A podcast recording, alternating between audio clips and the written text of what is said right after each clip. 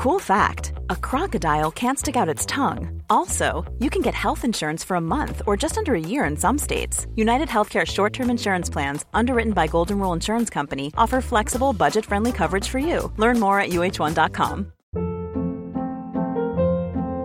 Hold up. What was that? Boring. No flavor. That was as bad as those leftovers you ate all week. Kiki Palmer here, and it's time to say hello to something fresh and guilt-free. Hello Fresh. Jazz up dinner with pecan-crusted chicken or garlic butter shrimp scampi. Now that's music to my mouth. Hello Fresh. Let's get this dinner party started. Discover all the delicious possibilities at hellofresh.com. Quality sleep is essential. That's why the Sleep Number Smart Bed is designed for your ever evolving sleep needs. Need a bed that's firmer or softer on either side? Helps you sleep at a comfortable temperature? Sleep Number Smart Beds let you individualize your comfort so you sleep better together. JD Power ranks Sleep Number number 1 in customer satisfaction with mattresses purchased in-store. And now, save 50% on the Sleep Number limited edition Smart Bed for a limited time. For JD Power 2023 award information, visit jdpower.com/awards. Only at a Sleep Number store or sleepnumber.com.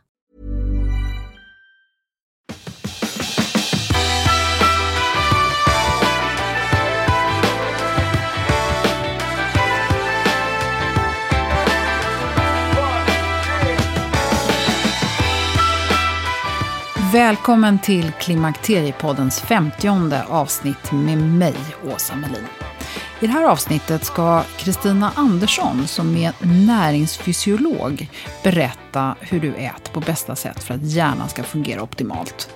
På köpet så får du en väl fungerande kropp med alla dess funktioner och ett hälsosammare åldrande.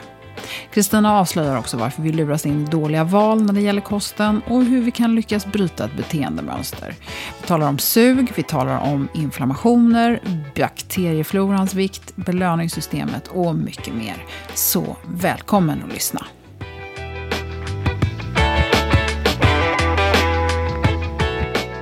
Kristina Andersson, välkommen tillbaka till Klimakteriepodden. Tack så hemskt mycket. Vad roligt att se dig så här pigg och fräsch efter sommaren. Ja, men tack. Det är jättetrevligt att vara tillbaka. Ja, härligt. Eh, jag är så nyfiken på dig för att eh, du, du har ju en näringsfysiologi i bakgrunden mm. och så gör du spännande föreläsningar, du är författare och inspiratör på många sätt när det gäller hälsa och mat. Och jag älskar det här, jag drivs av fascinationen över hur vi genom vår livsstil kan påverka vår kropps funktion, har du sagt vid något klokt tillfälle. Ja, jag tror det står på min hemsida till och med. ja, min, men då så, då ja. kommer det lite genomtänkt då. Ja, lite genomtänkt är det. Ja, vad bra. Um, nu ska vi prata om hur man äter för att hjärnan ska fungera bättre. Mm. Just det. Hjälp oss! Ja. ja, det kommer ju lösa alla problem, det är väl underbart. Ja. Allt som vår hjärna håller på med eller allt som liksom händer i hjärnan är naturligtvis inte påverkat av maten. Det vill jag verkligen understryka. Um, utan fokus i den här boken det handlar mycket om hur kan vi äta för hjärnans hälsa? Alltså att vi ska se hur den funkar bättre, hur vi kan skydda oss mot de förändringarna som händer i hjärnan och så vidare. Och, och är det framförallt förändringarna som händer i hjärnan som påverkar kroppen? Eller hur, eh, hur, hur ska man tänka? Eller hur, hur är utgångspunkten? Alltså dels ju hur vi får en, precis som vi kan påverka resten av kroppen med den mat vi äter så kan vi naturligtvis påverka hjärnan med den mat vi äter. Alltså på samma sätt som resten av kroppen så handlar det om byggstenar till att bygga en hjärna överhuvudtaget och hur olika kvaliteter på byggstenarna kommer att göra att hjärnan funkar olika bra. Eh, men också liksom bränslet till hjärnan. Eh, så att vi, vi kan använda den, kan vi få så mycket nytta av den som möjligt. Men också sen påverkan. Hur olika saker vi äter påverkar oss på olika sätt och så vidare. Så att det är hela det delen, liksom grunden i att precis som vi äter för att vi ska orka eller vi ska klara av en speciell prestation eller få viktminskning eller vad som, så kan vi ju egentligen lika gärna sätta hjärnan i fokus. Att det är det som är anledningen till att vi ska tänka på vad vi äter. Det är för att hjärnan ska funka. Lika gärna som att vi skulle tänka på vad vi äter för figuren till exempel. För rent spontant så kan jag tycka så att men det är väl där man måste börja. För att överhuvudtaget orka göra en annan förändring som kanske har med vikt eller prestation, fysisk prestation tänker jag då, att göra. Så, så måste man väl börja med hjärnan. Man måste väl lura den först, eller? Ja, och då är vi ju inne mer på matbeteende och ätbeteende. Så att det är egentligen två delar i det här. Det är en sak liksom bara för att, om man ska se det som en maskin, om man säger att få den att funka. Liksom. Vilket bränsle behöver maskinen och vilka byggstenar behöver vi? Vilka reservdelar behöver vi? Men sen det intressanta med vår hjärna så att säga, det är ju inte bara ett organ som andra organ, utan då har vi ju tankarna och beteendet. Och, och berätta då, hur, hur är boken upplagd? Alltså halva boken handlar då om liksom själva ja, hjärnans funktion och kopplingen till varför ska vi äta och hur ska vi äta med avseende på hjärnan. Ehm, och där eh, djupdyker jag lite i eh, den åldrande hjärnan, alltså risken för demenssjukdomar, däribland Alzheimers. Vad vet vi om hur vi kan förebygga det med maten? Vad spelar maten för roll i det? Jag tittar djupare också på det här med eh, ångest och nedstämdhet och depression. Vad, vad kan maten spela för roll där? Och sen lite om ADHD och autism. Och sen naturligtvis hur vi kan optimera vår hjärna ur ett mentalt prestationsperspektiv. Ja. Minne, inlärning.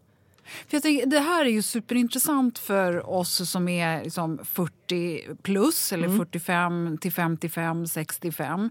För vi har ju både ålders problemet som har börjat bli synliga. Vi har börjat förstå att vi faktiskt blir äldre. Vi har kanske börjat känna av det och så vidare. Eh, och sen så har vi då kanske lite det här svårt att vrida oss ur vissa tankemönster och, och, och sådär. Mm. Så kan du inte berätta lite? Jag förstår att man måste läsa boken för att förstå hela det här. Men berätta basen i, i det här. Vad är liksom grundfixen? Eh, grundfixen, alltså, och det skriver jag faktiskt i boken också, att egentligen så skulle jag kunna sammanfatta det i en mening. okay. och det kommer vara så revolutionerande så jag hoppas att alla verkligen lyssnar nu. Jag har aldrig hört det förr. Eh, det vi ska göra det är att vi ska äta ordentligt med grönsaker. Vi ska äta fet fisk. Eh, vi ska få i oss fiber. Vi ska äta varierat. Och så ska vi inte äta en massa skräp. Hårt processad mat, en massa tillsatt socker och så vidare. Vi ska inte överäta. Och vad är det de här så kallade skräpmaten och processade materna, vad är det de gör med, med kroppen och hjärnan då? Alltså, dels handlar det ju om att när jag äter det istället för den, den riktiga maten så att säga så får jag inte i mig alla de näringsämnen som jag behöver, som finns i den vanliga maten, den rena råvarorna. Men det kan jag väl kompensera med ett näringstillskott? Ja, fast det är inte samma sak har det visat sig. Mm. När vi tar ut näringsämnen ur sitt sammanhang så får vi inte samma effekt. Det skulle kunna ha med det att göra att ett näringsämne inte blir samma sak när det blir koncentrerat. Men jag och många med mig tror ju mer på att det handlar om liksom själva cocktailen. Alltså när jag äter en grönsak som innehåller vissa vitaminer, det är, ju, det är framförallt de som vi har brytt oss om hittills. Vitaminer och mineraler till exempel.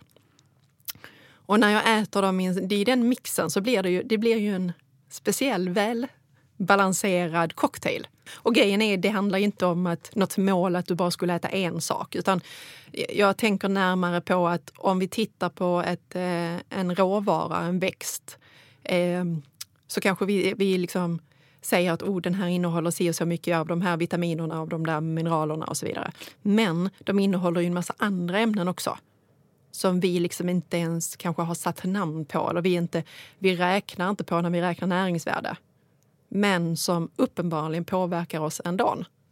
Ehm, en del av dem eh, har vi ju satt namn på och vi sätter det under liksom det samlingsnamnet fytokemikalier. Det vill säga kemiska ämnen i växter som påverkar oss. Det är det som du säkert har talat om att vi kan ha Vissa saker kan vara antiinflammatoriska, virus och bakteriedödande. Eh, vi kan se koppling till att det finns en, en cancerhämmande effekt och så vidare. Så det här är mycket, mycket större än just vitaminer och mineraler? Ja, men exakt. Alltså vi, och egentligen är det väl det som är hela så här... Och det handlar inte bara om hjärnan naturligtvis. Men att vårt sätt att titta på mat ofta det begränsar sig vid att vi bryr oss om kolhydrater, fett och protein och vitaminer och mineraler och kalorier. Det är det vi räknar på och så tänker vi så här, oj, det är det, det ska vara en speciell kombination här. Nästan allt tyder ju på att det går inte att bara liksom då som vi försöker i tillskott till exempel göra den perfekta mixen utifrån de parametrarna. För då blir det ändå inte lika bra som det blir om vi äter den riktiga maten. För det finns någonting annat där antagligen. Eller så är det den perfekta kombon som gör det. För vi ser jättetydligt att äter vi grönsakerna, vi äter växter, vi äter mycket frukt, grönsaker och bär, får i oss fiber, då leder det till ökad hälsa. Vad det handlar om det är ju att vi ska ha ett kostmönster. Alltså om vi tittar, vi tittar mycket liksom, vi tittar på en helhet på ett helt annat sätt.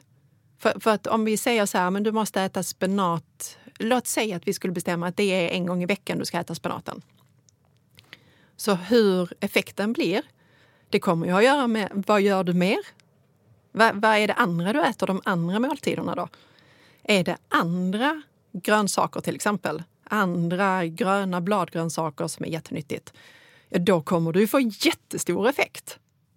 Medan är det bara det du äter grönsaksväg och resten är skräpmat, ja då blir det ju inte alls samma effekt.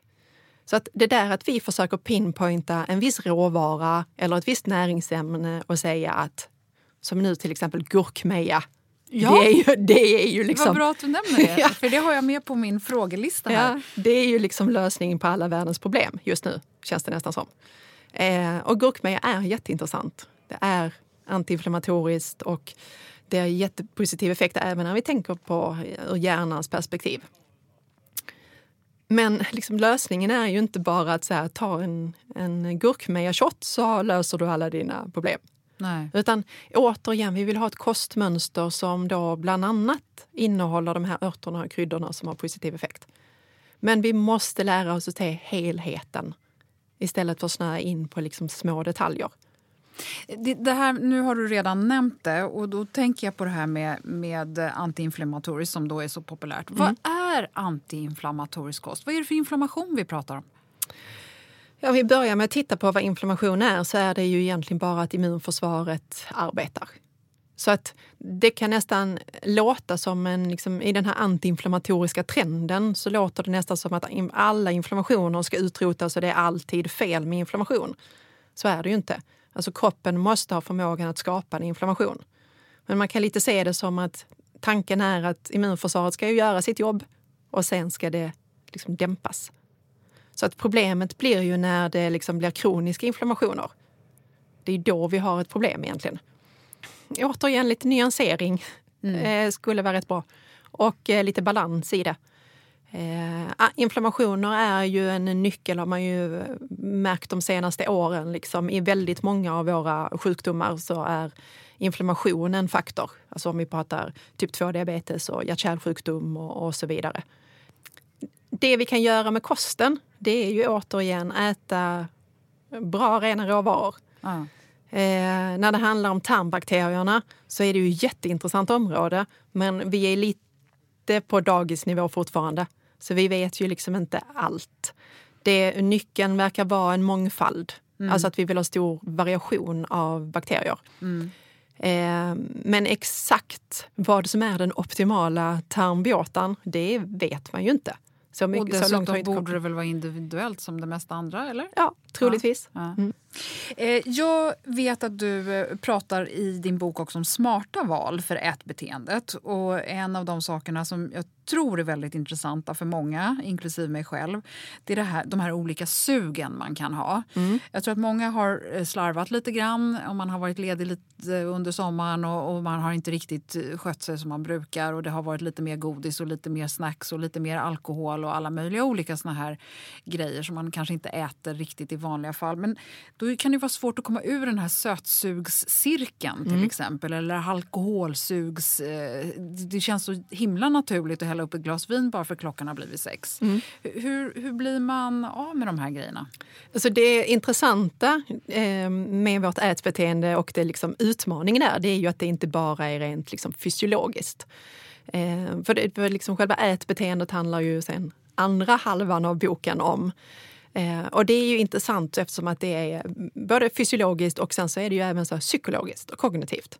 Så att anledningen till att du har det här drivet och att vi vill äta vissa saker, det är ju dels ett fysiologiskt sug.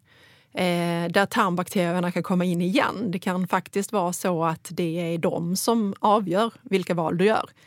Eh, de, den mat vi äter påverkar ju hur, vilka bakterier vi har till en viss del åtminstone.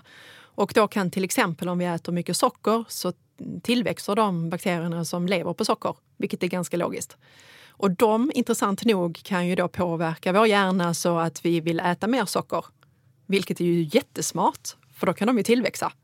Mm. Så att de lite så här, eh, vad ska vi säga, kidnappar oss, vår hjärna och ser till att, att vi gör de matvalen så att de får den mat de vill ha. Så att det kan ju vara med i en del i det här att det kan vara svårt att bryta ett mönster. För att vårt sug styr oss faktiskt åt det vi har ätit. Den liksom. Om vi har ätit mycket socker så har vi bakterier som ber oss äta socker. Eh, det är en del i det. Men sen får vi inte glömma det här beteendemässiga. Som du, om du har haft det beteendet och då kommer ju det här belöningen in också. Det vi har tyckt var härligt. Liksom. Både socker och alkohol ger ju oss belöning. Och då är det ju dels är det ju härligt att äta det, eller dricka det. Vi får ju belöningen i det direkt. Men belöningen av maten förstärks också av den situation vi äter och dricker det i.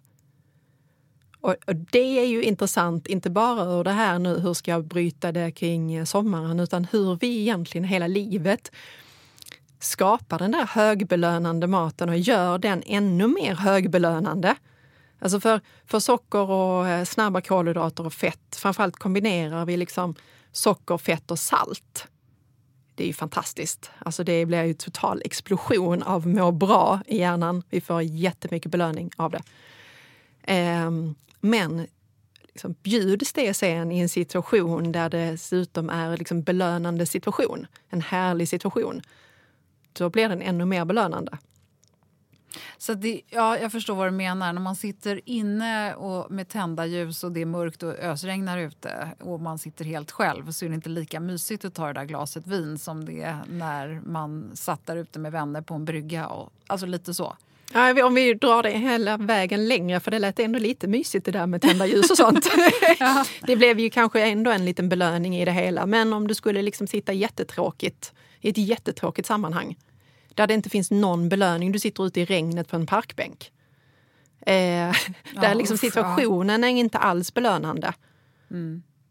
Då kommer du inte få samma belöning av att äta det som är högbelönande.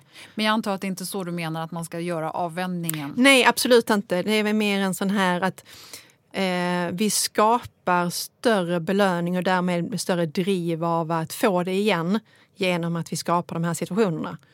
Och det man kan tänka till på där, det är ju hur vi, ja, men hur vi gör det gång på gång. Vecka efter vecka skulle jag vilja säga egentligen. När vi säger, åh, nu är det fredag, det är så härligt att det är fredag, vi ska ha det mysigt. Och så äter vi dessutom eller dricker högbelönande saker. Då kommer vi ju skapa en större belöning kring det och vilja ha det i större utsträckning.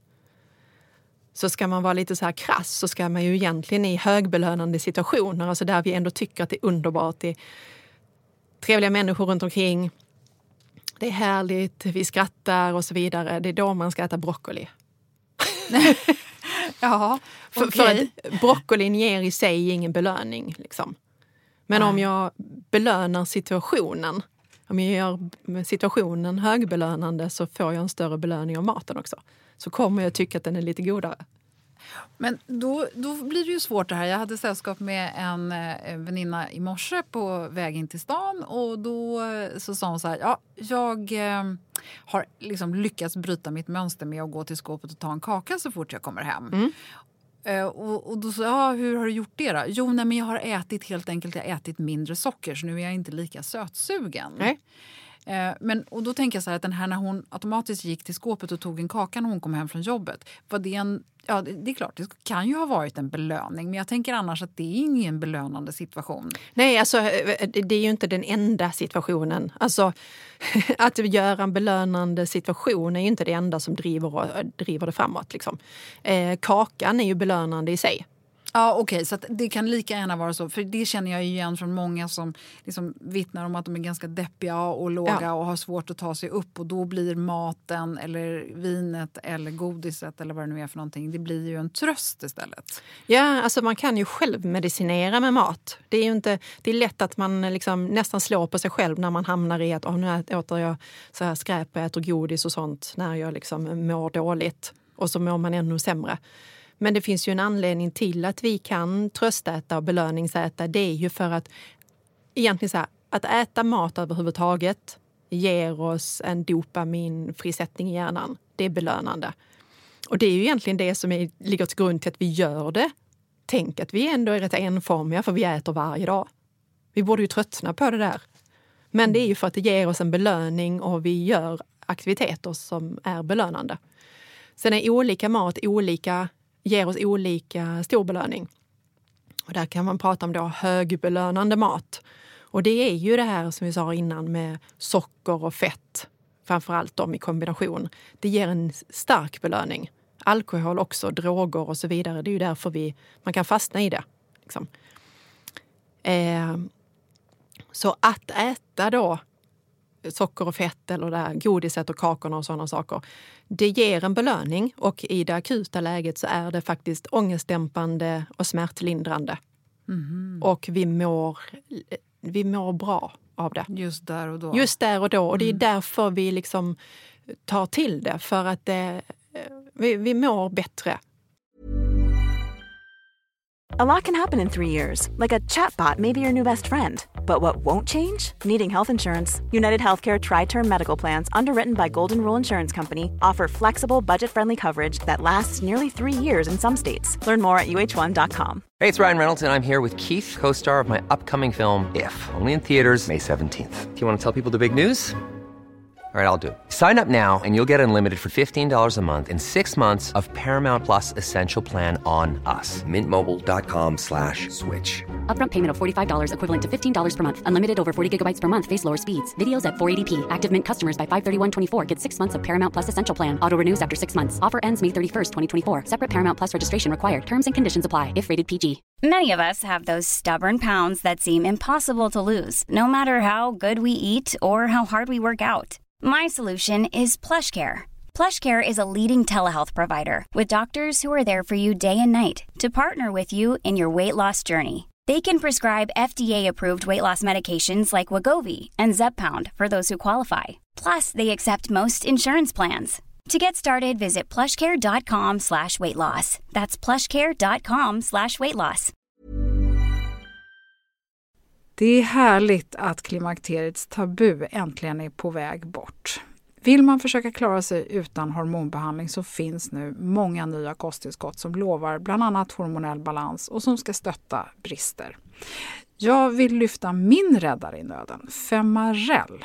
Det har inte bara varit min utan många andra kvinnors räddning i över 20 år. Och med lång tid på marknaden, med nöjda användare, dessutom med 20 forskningsstudier så vågar jag säga att det kan vara en god idé att prova Femarel. Femarel finns på apoteken och i hälsokostbutiker. Tack Femarel som varit min samarbetspartner i många år. Jag tänker det är intressant också om jag tänker på om man motionerar. Du vet ju själv hur segt det kan vara ibland att ta sig ut. Mm. För det är så otroligt jobbigt att ta sig till belöningen. Ja. Eh, för man vet ju hur man mår efteråt. Det är ja. ingen som har ångrat en löprunda Nej. någonsin. Nej. Eller en promenad Nej. eller vad det, är, väl... är för någonting. För, för, då är det ju lite omvänt. Varför är det Exakt. så trögt att göra det då, fast du vet hur du mår efteråt? Jättebra fråga, men jag tror att det handlar om att det, det liksom krockar med vår grund, eh, liksom, fysiologi. Eh, för i grunden är vi lata av naturen. Ja, vi ska spara på energi. Men vi ska spara på energi. Ja. Slösar du på energi som kom måste du ju leta mer energi. Mm. Det är en jättedålig idé. Liksom. Mm. Men däremot så är vi ju inställda på att vi ska leta mat. Leta mat, får du tag i mat, ät den. Det är liksom det som vår hjärna egentligen är inställd på.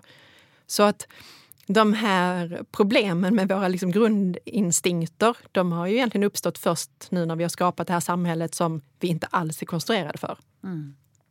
Och det ser man ju också på samhällen som plötsligt får tillgång till snabbmat och sådär. Då, då går ju vikterna... Går, alltså folk blir ju ja. feta väldigt fort. Ja. Och, och tittar man på hur ska du skapa övervikt liksom, och, och, och um, i försöksdjur och du ska liksom forska på det då är det enklaste, effektivaste sättet det är den så kallade kafeteriadieten. Eh, och då kan du kanske själv gissa vad det är de får. Ja, alltså ja. härliga chokladbollar, ja, dammsugare, och bullar och kakor. Ja. ja, För då blir de överviktiga snabbt. Mm. För då handlar det om att vi får den här återigen den högbelönande maten som vi vill äta. Vi vill ha mer av. Och det står liksom inte i energimängden och så står inte alls i relation till eh, mättnaden och, så, utan vi får snarare ett driv att äta mer. Så att vi gör de här dåliga matvalen trots att vi förstår konsekvenserna på grund av att den här belöningen är så stark. Hjärnan gillar eh, den här omedelbara belöningen. Kan Exakt. man säga så? Det kan du säga. Ja. Sen är den olika stark hos olika människor. Du känner kanske också någon sån här som jag brukar säga, lätt irriterande människa som kan ta två godisbitar och sen känna att nu räcker det. Ja. ja. Fast jag vet ju inte hur starkt hon kämpar Nej, i för sig inte. Men det finns ju de som faktiskt inte har så starkt driv mot olika, mot det söta till exempel. Mm. Eh, och det kan man ju då, jag brukar liksom säga att ah, men då kan man tänka sig att ah, jag har en starkare överlevnadsinstinkt än alla andra. och eftersom att drivet att leta efter sött egentligen är en överlevnadsinstinkt. Men till syvende och sist så får jag ju hantera det på samma sätt. Mm. Liksom. Så att, Visst är det sådana skillnader. Eh, men sen handlar det ju jättemycket om återigen hur vi paketerar det mm. och vad vi kopplar ihop. Liksom att vi, vissa saker, ja men, vi gör ju saker, vi äter godis när vi går på bio. Mm. Liksom. Bara för att man har lärt sig att man ska göra det. Mm. Liksom sådana här eh, betingningar egentligen. Så man måste lära sig att bryta mönster på något sätt? Exakt. Ja. Börja tänka till. Och i steg ett skulle jag säga att bli nyfiken på ditt eget ätbeteende. Mm. Fundera på vad du gör och också fundera lite på så här, undra varför jag gör det. För dels har vi ju det här fysiologiska, liksom att vi har drivet att leta sött och så vidare. Och tarmbakterier och allt det.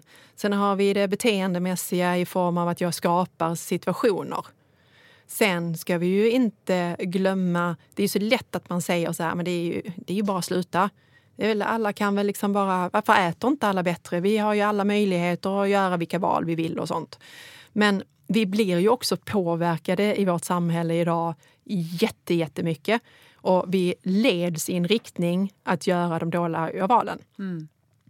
För att när jag ser någonting så blir jag ju påverkad av det oavsett om jag registrerade eller inte.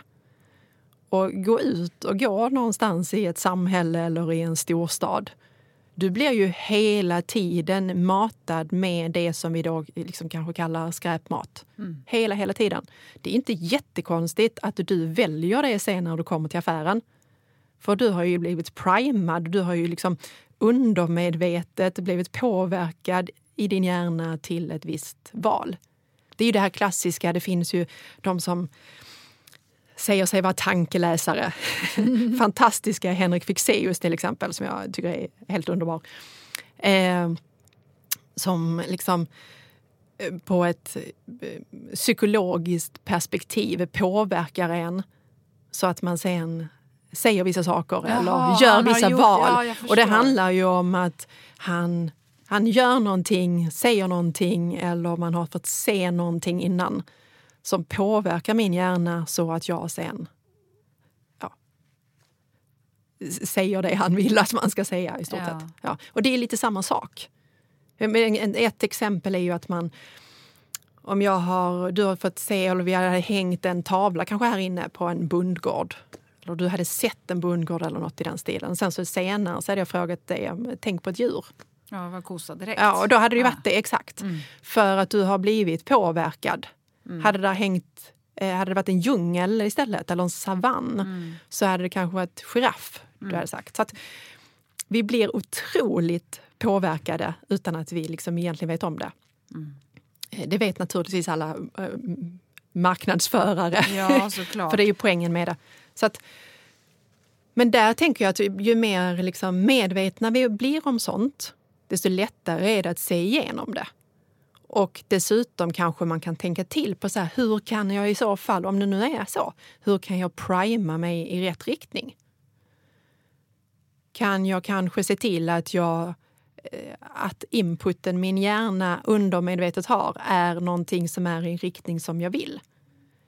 Ja, jag tänker bara sådana enkla saker som skärmsläckare och bild på telefonen Exakt. eller vad det nu kan Ja. vara för någonting. Kanske Ja. det ska vara någon härlig Ja, men frukt istället Exakt, jag kanske ska ha eh, tavlor på väggen med grönsaker på. Ja. Eh, vad står det framme för någonting? Vad finns det mest av? Mm. Man hör ju många som ska bryta vana om de brukar kanske gå och handla på någon eh, snabbmatskedja. Eh, och så, så tänker de så här, "Ah, jag ska börja ta sallad istället. Mm. Ja, men då kanske man inte ska välja sallad på en snabbmatskedja där det kanske finns en massa liksom, hamburgare som lockar dig istället. För då är det ju det du får input av hela tiden. Gå till en härlig salladsrestaurang Mm. istället. Så kommer ditt val bli mycket, mycket lättare. Eh, Jag, jag, förstår, jag förstår vad du menar. Jag, det är ju otroligt utmanande ändå. Eh, men om vi ska försöka sammanfatta det så pratar du egentligen om att man ska påverka... Hjärnan mår bäst av att äta nyttiga saker. Och Det handlar inte bara om vitaminer och mineraler utan det handlar om en kombination av... Det blir en cocktail när man äter mycket grönsaker, frukter, rena råvaror och så vidare. Eh, Och Det i sin tur gör att hjärnan fungerar mycket bättre, håller sig ung, fräsch. Och sen har vi de här valen som man måste jobba med för vi är matade och påverkade. Eh, vad mer? Om vi ska försöka göra en sån här liten snygg sammanfattning. ja, det vi har missat att prata om det är ju den feta fisken. Ja. Ja, som är en, verkligen en nyckelspelare om vi pratar alltså omega-3 är det egentligen vi är ute efter. Men samma sak där att vi att få det i den naturliga cocktailen i form av den feta fisken verkar vara bättre än att ta tillskott av omega-3. Men där har vi ju verkligen en nyckelspelare om vi pratar om eh, hjärnans funktion. Eh, och inte minst den åldrande hjärnan. Där man ser att får man i sig tillräckligt mycket under, eh, omega-3 under livet så eh, minskar du risken ganska kraftigt att få eh, demenssjukdomar. Lax och makrill och eh, eh, strömming, sill. Mm, okej. Eh, hälleflundra är också skapligt eh, fet. Och hur ofta ska man äta det? Två till tre gånger i veckan är ju Men den rekommenderade det alltså? mängden. Alltså där är ju ändå rätt mycket. Alltså bara för att vi behöver omega-3 så behöver vi inte jättemycket av det. Nej, Liksom. nej. Två, tre gånger låter så lite för mig, men, men det kanske Nej, inte men det, den eh, nivån har man sett att det är det vi eh, bör få i oss. Och får vi i oss det, eftersom omega-3 ja, framförallt kan vi se som en byggsten. Så att därför är det ju liksom någonting du måste tillföra för att kunna använda som byggsten och bygga in i strukturerna i hjärnan. Eh, kosten är ju bara en faktor och eh, jag skulle inte ens säga att det är den viktigaste faktorn. Så att det är inte det. Liksom. Det är inte så att ät lite mer gröna blad och så kommer du aldrig vara deppig eller något sånt. Det, har ju, det är absolut inte någonting sånt. Det är ingen liksom, mirakelbok på det viset. Eh, fysisk aktivitet, jätte, jätteviktigt. Eh, sömn, återhämtning, jätte, jätteviktigt. Det finns ju sådana parametrar också. Stress påverkar vår hjärna negativt. Så, så att det är ju liksom kosten som en del i en hel livsstil. Eh, och om vi pratar om om hjärnan och dess funktion under livet så är det ju liksom use it or lose it. Det är ju en jätteviktig faktor också. Att vi verkligen använder det. Att vi utsätter vår hjärna liksom för klurigheter för och annat. klurigheter och liksom, ja men ja, Ja, lite in- intellektuella. Ja, men precis. Inte bara bingear tv-serier. Nej, som- exakt. Utan eh, vi helt enkelt tänker lite. Och Ja. Även sociala sammanhang har man ju sett om vi då pratar den åldrande hjärnan. Så social input är ju viktig. också viktiga Och då snackar parametrar. vi inte bara scrolla Instagram. Nej. Eh, Så där skulle jag också kunna tänka mig att slå ett slag för eh, den fysiska aktiviteten. Mm. Eller egentligen bryta stillasittandet. För en... eh, Och det är faktiskt svensk forskning där man har kommit fram till att den här liksom vågen som vi har inbyggd i oss eh, för att liksom, vi ska hålla vikten. Vi ska inte tappa för mycket vikt. Utan när vi gör det då ökar vår aptit så att vi upprätthåller en, en högre vikt. Den verkar sitta i skelettet. Och det blir ju lite intressant för då skulle det kunna förklara varför stillasittande ökar aptiten. För att om jag står upp så väger jag ju hela min vikt. Medan sätter jag mig ner, då helt plötsligt så är det ju... Jag väger ju inte så mycket längre. Nej. Nej, och du påverkar ju inte benmassan. Eh, Nej. nej. Så att... Eh, Vad spännande. Ja men eller hur? Så Ja. då skulle man ju, vill man köra löpsedlar på det så är det ju liksom stå dig smal. Eller ja. stå bort ditt sötsug. Ja. Eh, nej men faktiskt att man, eh, att man är fysiskt aktiv och då behöver vi liksom inte hålla på att träna utan pratar om att inte vara stillasittande egentligen kommer att förbättra aptitregleringen i form av att den, den kommer stämma mer överens med ditt faktiska behov. Finns Det det, något sånt där mirakelmedel eller mirakelmat man kan äta som verkligen är aptitdämpande eller sötsugsdämpande eller så? Nej, alltså det är ju väldigt ont om mirakelgrejer på det sättet. Men det Jag som, var mätt, rädd för att du skulle säga ja, så. det som mättar bäst det är ju protein. Det är det näringsämne som mättar bäst per kalori räknat. Liksom. Eh, Så det är ju att satsa på att få i sig ordentligt med, eh, med protein. Eh, Och sen också tänka på, för att även det här med vad, är det, vad ger mättnad, det är väldigt komplext. Men det tar jag faktiskt också upp i boken. Men eh, voluminös mat, det vill säga att se till att man får stor volym, man får äta mycket och länge. Eh, det kommer också hjälpa mig att få större mättnad. Så då, och då kommer ju de klassiska grönsakerna in igen som ju bidrar med massor av volym. Bidrar med både i form av vätska och eh, fiber. Eh, och kommer kunna ge en mättnad då av den anledningen. Plus då bonusen, den härliga, det är ju att vi får i oss alla de här ämnena vi behöver. Så det är liksom inte... Det är inte en tillfällighet att vi har hört talas om att äta ordentligt med grönsaker Nej. och eh, någon proteinkälla om man vill gå ner i vikt. Nej. För hjärnans hälsa och att den ska funka så bra som möjligt så skulle jag säga att se till att äta ordentligt med grönsaker och variera det så du får hela spektrat. Ehm, se till att äta kolhydrater. För det är ju någonting som har varit bannlyst väldigt länge ur ett bantningsperspektiv och viktperspektiv. Men det är ju hjärnans bränsle. Och se till att de kolhydratkällorna blir rena råvaror. Det är inte mjölmat du ska äta, för då ger du inte mat åt bakterierna. Utan se till att det är liksom hela kärnor och det är rotfrukter och det är baljväxter och så vidare så att vi får mat åt bakterierna där också. För gynnar vi rätt bakterier så kommer de ge oss antiinflammatoriska ämnen bland annat som vi har nytta av. Fet fisk, ha det i din kost. Det förbättrar din eh, chans till inlärning och minskar risken att drabbas av demens till exempel. Och påverkar även ditt, eh, ditt psyke. Krydda maten, gör den god. Använd de här örterna och kryddorna som vi pratar om. Gurkmeja, ingefära, chili, vitlök och så vidare. De är super. Bär, klockrent. Vill du sen få lite lyx så är ju choklad jättebra för hjärnan. Så ät lite choklad, ha det som din lyx. Hög eh, kakaohalt är det som gäller. Och lite kaffe. Ökar också den mentala prestationen. Ska vi sen vidga och titta på de olika liksom, livsstilsfaktorerna så sov på natten. Se till att få din återhämtning, det är superviktigt. Rör på dig. Det är viktigt för hjärnan direkt men också för ditt ätbeteende. Du kommer att vara mindre sötsugen om du är, inte är så stillasittande.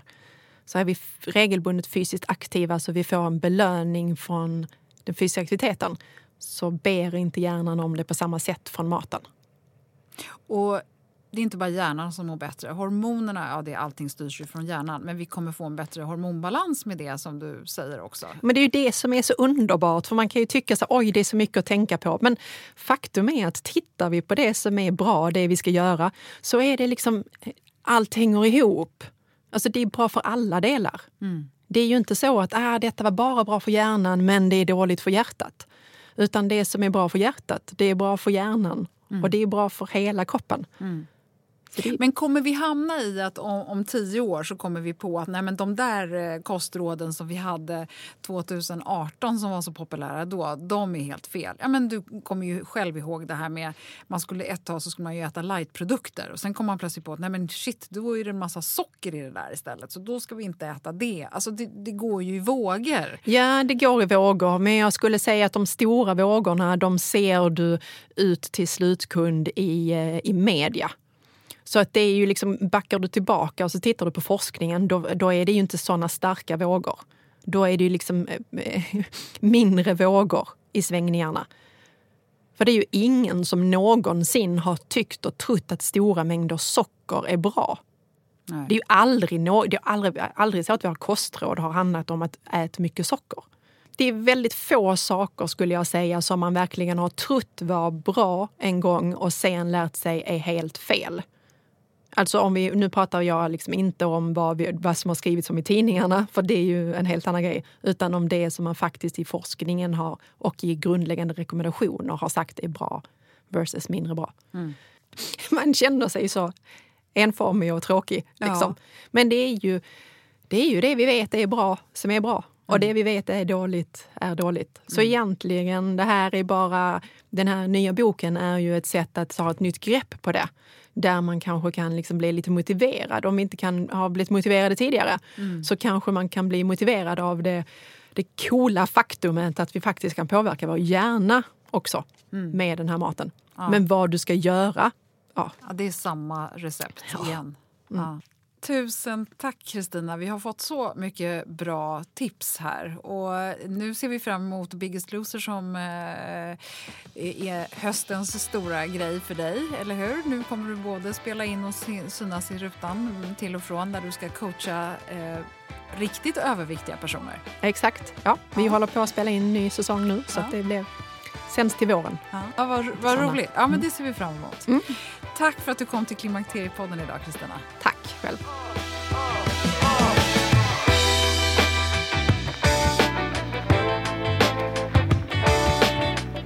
Ja, jag tycker det är så spännande med hjärnan och kroppens funktioner. Tänk om evolutionen hade hängt med lite bättre. Då hade det kanske varit lite lättare att vara människa och göra rätt val i vår moderna tid med alla lockande grejer som vi har omkring oss. Har du inte hört avsnitt 29 där Kristina talar om hur man kan se på sin vikt på ett lite annorlunda sätt så gå in och gör det. I nästa avsnitt så ska ni få träffa företagsledaren Per Eriksson och vi ska tala om varför vi kvinnor och framförallt vi mogna kvinnor är så viktiga för företag och för att de ska vara dynamiska och fungera bra. Vi ska också prata lite grann om vad man kan göra och försöka påverka för arbetsplatsen ska vara tillgänglig också för dig och för att du ska känna att du orkar och vill vara kvar. Framförallt när lite klimakteriebesvär kanske är med och skaver. Fram tills dess så är du välkommen att höra av dig till mig, Åsa Melin, på info klimakteriepodden.se och kika gärna in på Klimakteriepodden på Instagram och Facebook. Vill du lätt bläddra dig igenom tidigare avsnitt, gå in på hemsidan klimakteriepodden.se. Se att du inte har missat något intressant. Så tusen tack för att du har lyssnat och välkommen snart igen. Hej då!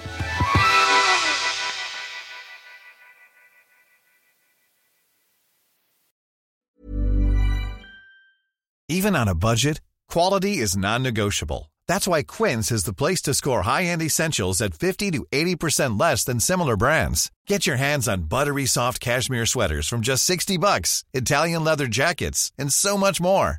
And the best part about Quince, they exclusively partner with factories committed to safe, ethical, and responsible manufacturing. Elevate your style without the elevated price tag with Quince. Go to quince.com slash upgrade for free shipping and 365-day returns. Ever catch yourself eating the same flavorless dinner three days in a row? Dreaming of something better? Well, HelloFresh is your guilt-free dream come true, baby. It's me, Gigi Palmer. Let's wake up those taste buds with hot, juicy pecan crusted chicken or garlic butter shrimp scampi. Mm. Hello Fresh. Stop dreaming of all the delicious possibilities and dig in at HelloFresh.com. Let's get this dinner party started. Imagine the softest sheets you've ever felt. Now imagine them getting even softer over time. That's what you'll feel with Bowl and Branch's organic cotton sheets. In a recent customer survey, 96% replied that Bowl and Branch sheets get softer with every wash. Start getting your best night's sleep in these sheets that get softer and softer for years to come. Try their sheets with a 30-night guarantee. Plus, get 15% off your first order at bowlandbranch.com. Code BUTTERY. Exclusions apply. See site for details.